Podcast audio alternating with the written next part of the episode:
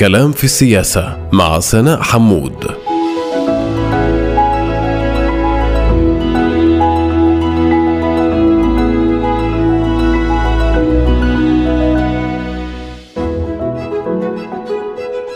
أهلا ومرحبا بكم مستمعاتنا ومستمعينا الكرام في حلقة جديدة من بودكاست كلام في السياسة الذي سنتناول في إطاره تحليلات معمقة بمنظور أوسع.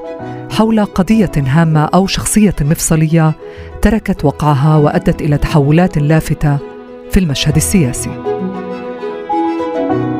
أنا سناء حمود وفي هذه الحلقة اخترنا أن نتوقف وإياكم عند قضية لطالما كانت حاضرة في كواليس السياسة لا سيما تلك الإسرائيلية وهي الاعتبارات السياسية التي لعبت دورا في قرارات رؤساء الحكومة الإسرائيلية في أوقات الأزمات. ماهيتها وخلفياتها وإسقاطاتها على المشهد السياسي. لا يخفى على أحد المشهد السياسي المركب عقب انفجار الأوضاع السياسية إثر التوترات في القدس والمسجد الأقصى وما تلاها من حرب رابعة على غزة. وتزامن الأمر مع المأزق السياسي الراهن في إسرائيل الذي يلقي بظلاله على فرص تشكيل الحكومة الإسرائيلية. ما يعيد إلى الأذهان احتمالات تغلغل الاعتبارات السياسية في القرارات التي اتخذت قبيل وخلال الأزمة السياسية الحالية والتي سنتوقف عندها في حلقة خاصة.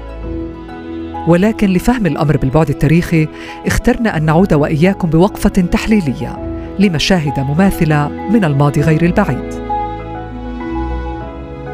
وتحديدا عند أربع محطات مركزية شكلت علامات فارقة في العقدين الماضيين وتركت وقعها اللافت على سياسات إسرائيل محليا واقليميا وعلى مصير حكامها. أولها في صيف 2005 حين كان أرييل شارون رئيسا للحكومة ودفع بما عرف باسم خطة فك الارتباط عن غزة. وثانيها عام 2008 حين شن إيهود أولمرت حربا على غزة عرفت باسم عملية الرصاص المصبوب. ثم بعدها كان في كانون أول ديسمبر 2014 عندما أقدم بنيامين نتنياهو على حل ائتلافه الحكومي مع يائير لابيد وتسيبي ليفني ليعلن مباشرة بعدها عن انتخابات مبكرة في آذار مارس 2015 وآخرها ما شهدته الساحة السياسية الإسرائيلية من صراعات محتدمة بين بنيامين نتنياهو وشريكه في الائتلاف الحكومي بنيامين غانس بعد تشكيل حكومة طوارئ إثر أزمة كورونا التي لم تدم طويلا لتدخل البلاد في دوامة انتخابات رابعة في غضون عامين ويتعمق المأزق السياسي الذي لا يزال حاضرا بعيدا عن أي أفق للحل على الأقل في المدى المنظور ولفهم حيثيات هذه القضيه بابعادها المختلفه واثرها على المشهد السياسي عموما لا سيما في المرحله الراهنه يسعدني ان ارحب في هذا الحوار بالكاتب الصحفي والمحلل السياسي انطوان شلحت اهلا ومرحبا بك سيد انطوان اهلا سناء مرحبا بك لنستمع بعد اذنك الى هذه الصوتيه بدايه ونباشر حوارنا. הצעד הזה קשה לי מאוד באופן אישי. לא בלב קל קיבלה ממשלת ישראל את ההחלטה על ההתנתקות, ולא בנקל אישרה זאת הכנסת. אין זה סוד שגם אני, כמו רבים אחרים, האמנתי וקיוויתי שנוכל להיאחז לעד בנצרים ובכפר דרום. אך המציאות המשתנה בארץ, באזור ובעולם כולו, חייבה אותי להערכה אחרת ולשינוי עמדות.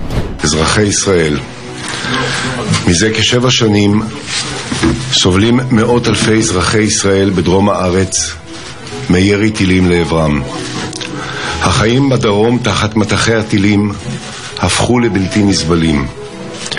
ישראל עשתה כל שביכולתה על מנת למלא אחר תנאי הרגיעה בדרום ולאפשר חיים נורמליים לאזרחיה ביישובי עוטף עזה. השקט שהצענו נענה בהרעשה. הרצון ברגיעה נענה בטרור, חסר הבחנה. שום מדינה לא יכולה להשלים עם מציאות כזאת. חיי אזרחינו אינם הפקר. אני לא אסבול יותר אופוזיציה בתוך הממשלה. אני לא אסכים למצב שבו שרים מתוך הממשלה תוקפים את הממשלה והעומד בראשה, וכל זה משיקולים פוליטיים צרים ובחוסר אחריות לאומי. אני מאמין שאתם, אזרחי ישראל, רואים לממשלה חדשה, טובה יותר, יציבה יותר. ממשלה רחבה שבה ניתן יהיה למשול ולהנהיג את העם ואת המדינה בשיתוף פעולה של כל חבריה. עם כחול לבן מקיימים ממשלה בתוך ממשלה, מקיימים אופוזיציה בתוך הקואליציה, סטארט-אפ ישראלי חדש. קואזיציה, לא שמעתי דבר כזה. מדברים נגד הפילוג, מפלגים בלי סוף. מדברים על אחדות ולא מפסיקים לתקוף את הממשלה והעומד בראשה. מקבלים uh, החלטות בממשלה ואחר כך מצביעים נגדם בכנסת. חותמים על הסכמים קואליציוניים ומפרים אותם מהיום הראשון. لنبدأ إذن في المحطة الأولى صيف 2005 حين كان أرييل شارون رئيسا للحكومة ودفع بخطته لفك الارتباط عن غزة لإخلاء المستوطنات في قطاع غزة بشكل أحادي الجانب ما الذي كان في خلفية هذا القرار وحيثياته وفقا لمعلوماتك؟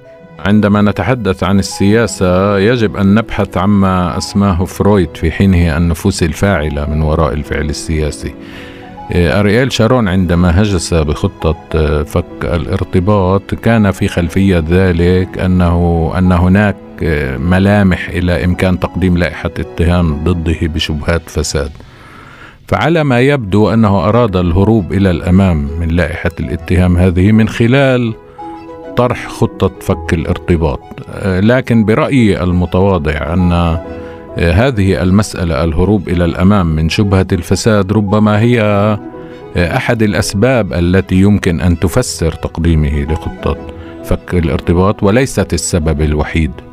لكن على ما يبدو أن وسائل الإعلام الإسرائيلية ركزت على هذا السبب أكثر من سائر الأسباب عندما بدأت تتحدث عن أن وجود أرييل شارون في الحكومة وعدم تقديمه إلى المحاكمة وإطاحته من هذا المنصب يشكل رصيدا لا يمكن الاستغناء عنه من أجل حل المشاكل السياسية الماثلة أمام إسرائيل. إلى أي مدى ما وقف في خلفية قرار شارون هذا كان كذلك هروبه من التعاطي مع من اعتبره عدوه اللدود الرئيس الفلسطيني الراحل ياسر عرفات بإطار مسار التسوية الذي كان قائما بين الأطراف آنذاك بتقديراتك. يعني طبعا الحديث يطول عن خلفيات خطة فك الارتباط عن قطاع غزة وعن أجزاء من شمال الضفة الغربية بالمناسبة. المناسبة. ولكن ما يجب أن ننتبه إليه ربما من النقطة الزمنية الراهنة أن شارون أراد بهذه الخطة ربما أن يحقق ما يشبه الانفصال بين قطاع غزة والضفة الغربية وهذا ما تحقق الآن على أرض الواقع. هذا من ناحية. من ناحية ثانية يقال عن شارون إنه أبو الإستيطان في الأراضي المحتلة منذ 1967 ولكنه من المؤمنين بما يسمى الإستيطان الأمني. وليس الاستيطان الأيديولوجي المسياني. وهو كان يعتقد أن الاستيطان الإسرائيلي في منطقة قطاع غزة هو استيطان أمني وعلى ما يبدو برايي أنه لم يعد من ضرورة له بسبب العلاقات الاستراتيجية القائمة بين إسرائيل ومصر.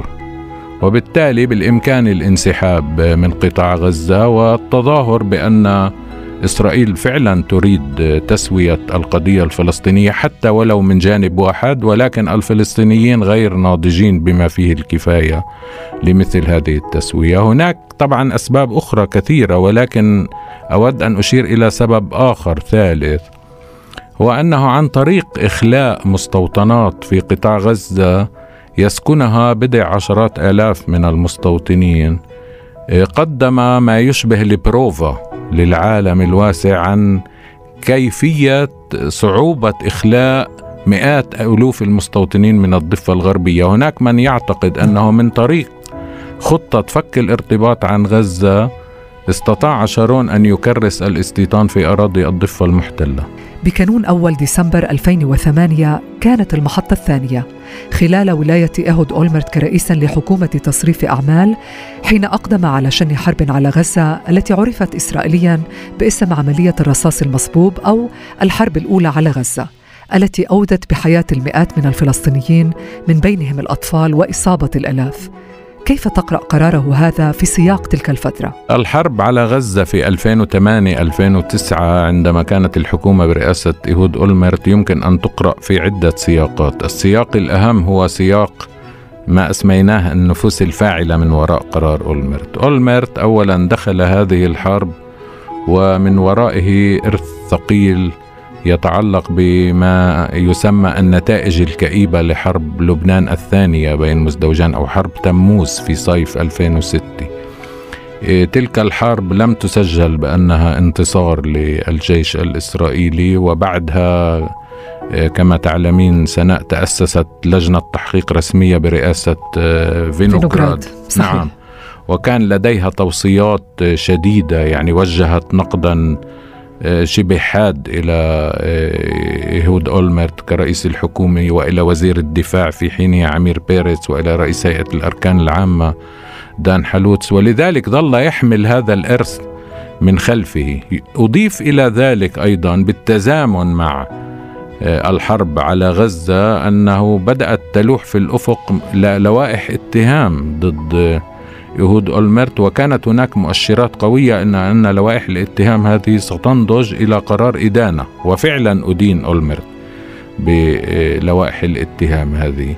وبالتالي يعني هناك من يحاول أن يفسر هذه الحرب بأنها استهدفت ليس فقط يعني كبح جماح سلطة حماس في غزة إنما أيضا تجاوز آثار حرب لبنان الثانية وكذلك محاولة الهروب إلى الأمام من آه، تهم الفساد التي لاحقته وتطورت إلى لوائح اتهام.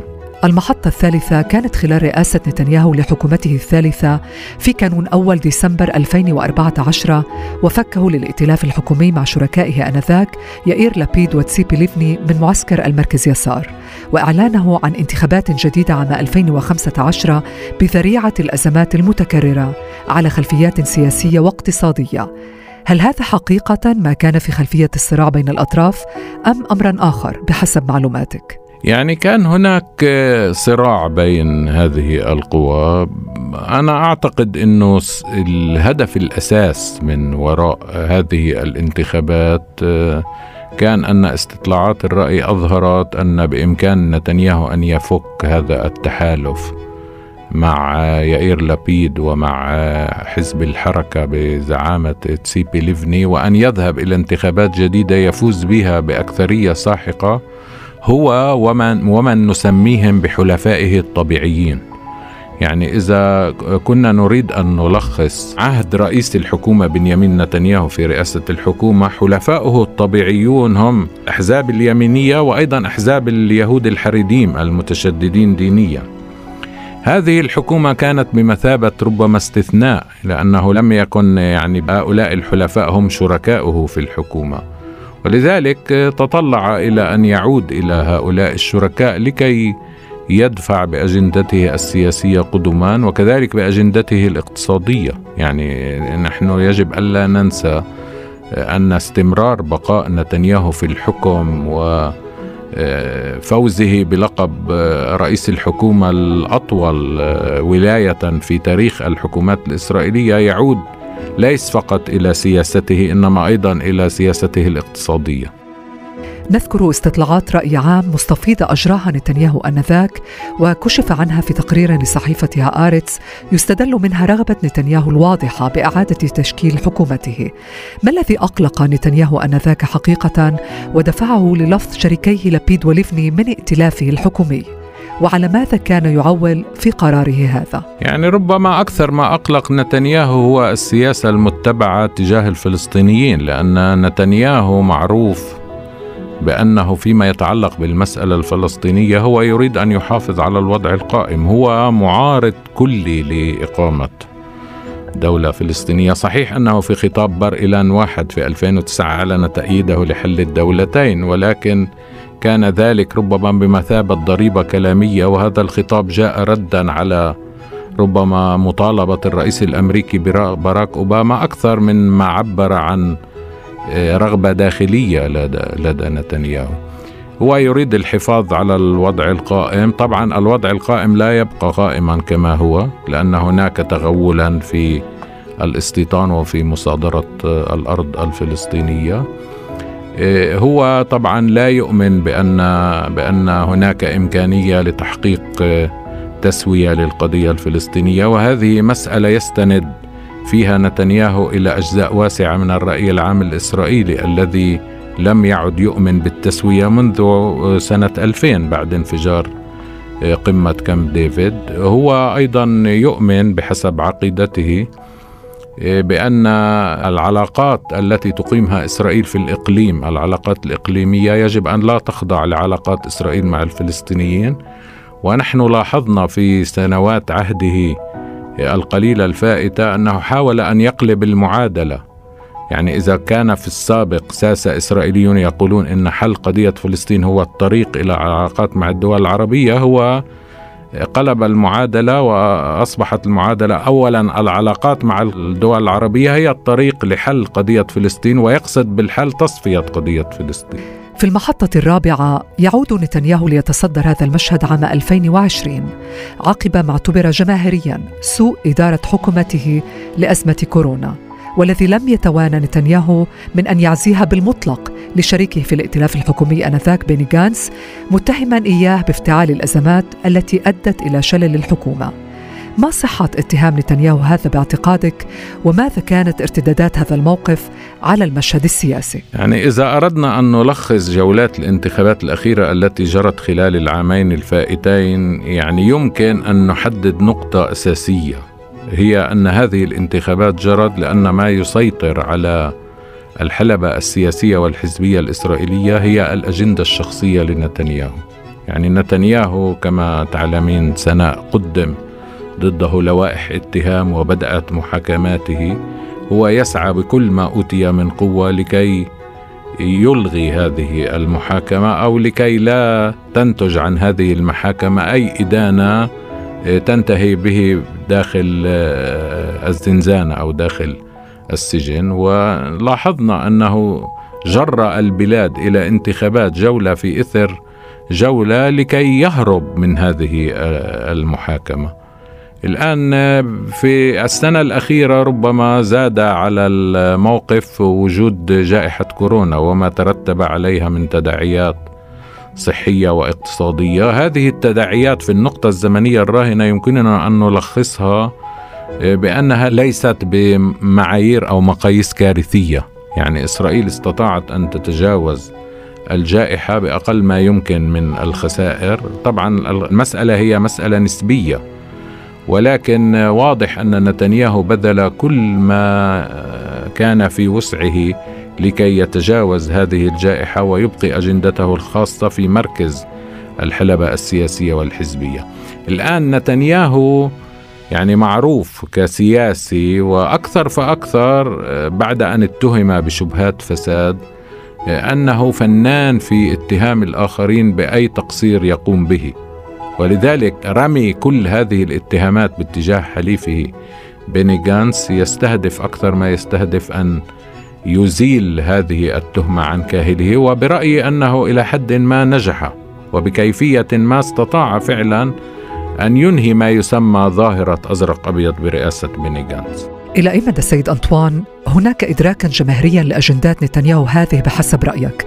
وكيف لذلك أن يؤثر فيما سنراه في المرحلة المقبلة؟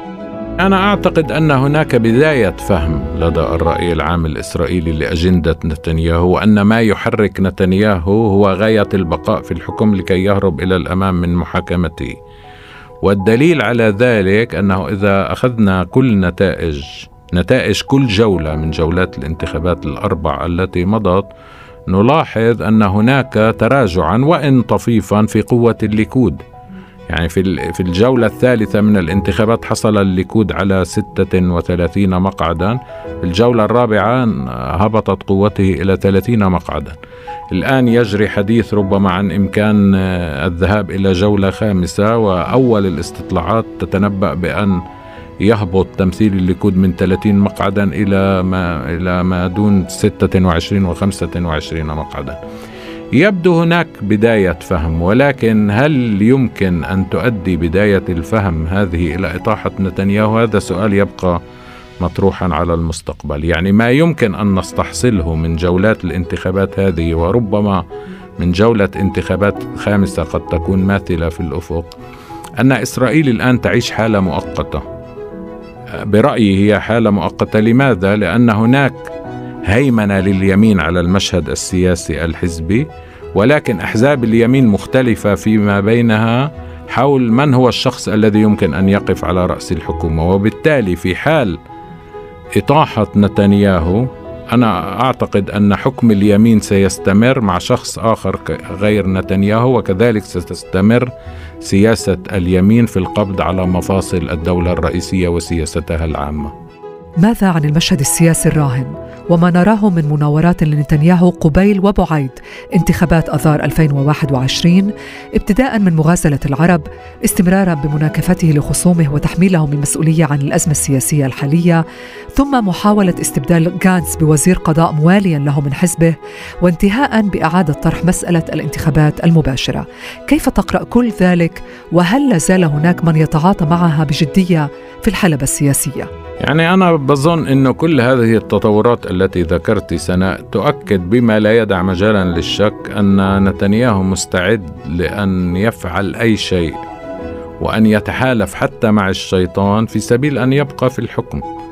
يعني كل نقطة من هذه النقاط هي تؤكد تثبت هذه المقولة خصوصا ما يتعلق بالعرب. يعني نحن نذكر كيف في 2015 حرض على العرب وقال إنهم يتدفقون إلى مراكز الاقتراع بتمويل أجنبي لكي يسقط حكم اليمين، الآن هو يغازل العرب وأحيانا يعني يغازلهم بعبارات مفرطة في الغزل.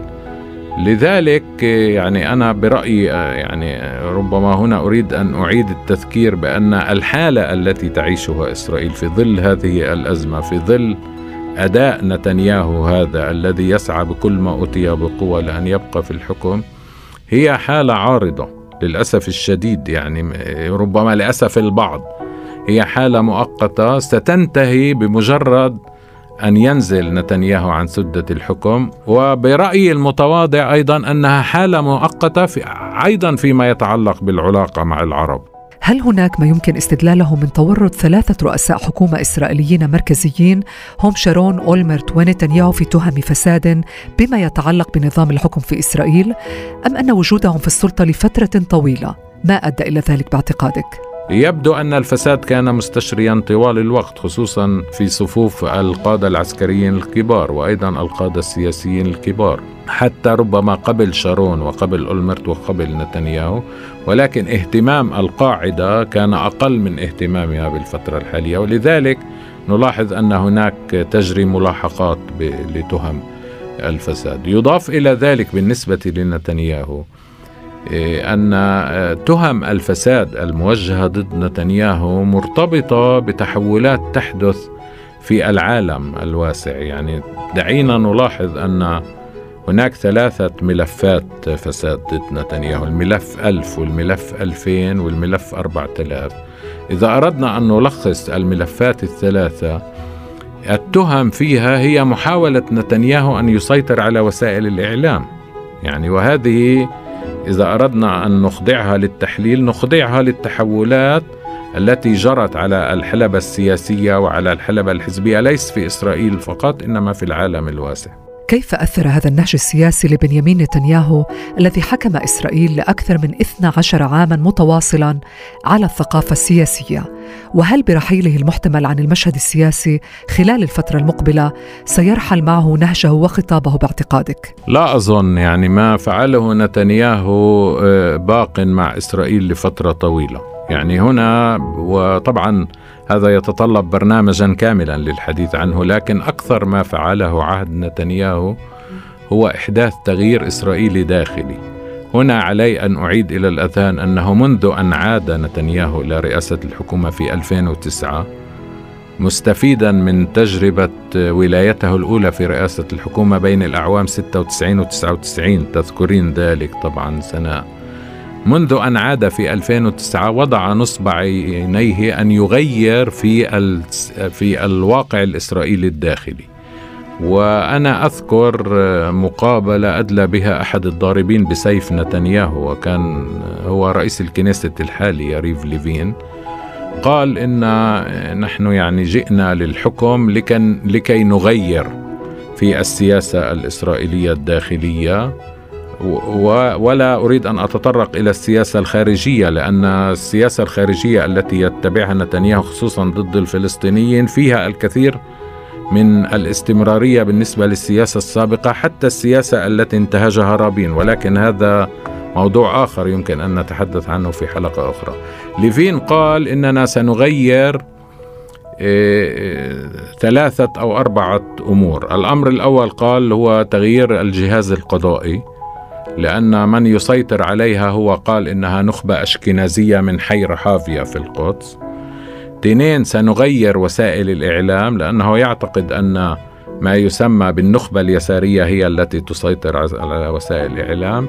ثلاثة سنغير في ما أسماه كل النشاطات الثقافية والفنية ومناهج التعليم داخل إسرائيل. وقصد من هذه التغييرات هو أن يصبح المجتمع الإسرائيلي ملتفا أكثر حول السياسة اليمينية الداخلية التي تخلص لسياسة حزب الليكود والمعسكر التنقيحي وكذلك تخلص للسياسة الاقتصادية التي يتبعها هذا المعسكر والتي وصفتها بأنها سياسة النيوليبرالية. بسؤال أخير وباقتضاب إذا أمكن ماذا عن التغيير الذي من شأن منافسي نتنياهو أن يأتوا به في حال نجحوا بالتغلب عليه وتشكيل الحكومة المقبلة مكانه بتقديراتك؟ الساسة الذين يحاربون نتنياهو يمكن أن يحدثوا تغييرا في مسألة نزاهة الحكم بين مزدوجين ولكن لا يمكن أن يحدثوا تغييرا في سياسة إسرائيل الداخلية يعني خصوصا إزاء النخب أو إزاء الجهاز القضائي ولا يمكن أن يحدثوا تغييرا في سياسة إسرائيل الخارجية. لذلك أعود وأكرر أنه حتى في حالة إطاحة نتنياهو من غير المتوقع أن تسود في إسرائيل سياسة غير السياسة اليمينية التي تهيمن على المشهد السياسي الإسرائيلي منذ أكثر من عقدين. شكرا لك الكاتب الصحفي والمحلل السياسي أنطوان شلحت على هذا الحوار الخاص. شكرا شكرا سناء تحياتي لك. كان هذا كلام في السياسة. شكرا لكم مستمعاتنا ومستمعينا الكرام على حسن الاستماع. أطيب التحيات لكم أينما كنتم. دمتم بكل خير. كلام في السياسة مع سناء حمود.